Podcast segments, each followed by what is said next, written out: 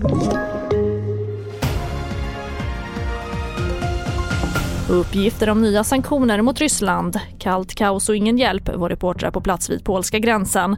Ja, här är TV4-nyheterna och vi fortsätter att rapportera om kriget i Ukraina där ryska styrkor fortsätter att avancera mot Ukrainas huvudstad Kiev och under dagen har rapporterats om strider i de norra delarna av huvudstaden.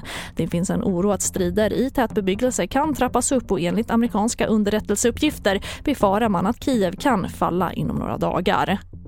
Och det kommer uppgifter om att EU kommer införa nya sanktioner mot Ryssland och att det kommer att riktas direkt mot president Putin och hans utrikesminister Sergej Lavrov. Det rapporterar Reuters. De sanktioner som EU hittills infört efter den ryska invasionen har riktats mot viktiga strukturer som banker, energisektorn och försvarssektorn. Och uppemot 100 000 personer uppges vara på flykt från Ukraina just nu. Och vår reporter Jonas Källgren är på plats vid gränsen mellan Polen och Ukraina och beskriver situationen så här. Kaos. Uh, ren och skär kaos är det här.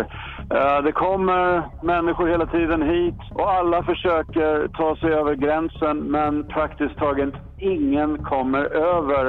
Uh, det finns inga hjälpinsatser, noll. Ingen hjälp. Uh, ingen som delar ut vatten, ingen som försöker organisera det, ingen som försöker hålla folk varma. Det är kallt, barn skriker, gråter. Eh, det känns inte som det finns någon möjlighet alls att eh, förbättra den här situationen.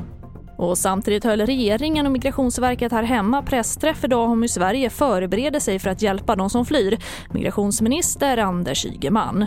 Vi kan naturligtvis ta emot flyktingar i Sverige men vi kan också hjälpa de andra länder som kommer att ta emot flyktingar. Vi kan hjälpa till med elverk, med vattenrening, med tält, sängar. Eh, allt vad de egentligen önskar. Då står vi redo att vara med och bidra för att hjälpa de som flyr undan Putins krig i Ukraina. Och det får avsluta den här nyhetssändningen men på vår sajt tv4.se där kommer det alltid löpande uppdateringar kring läget i Ukraina. I studion nu Charlotte Hemgren.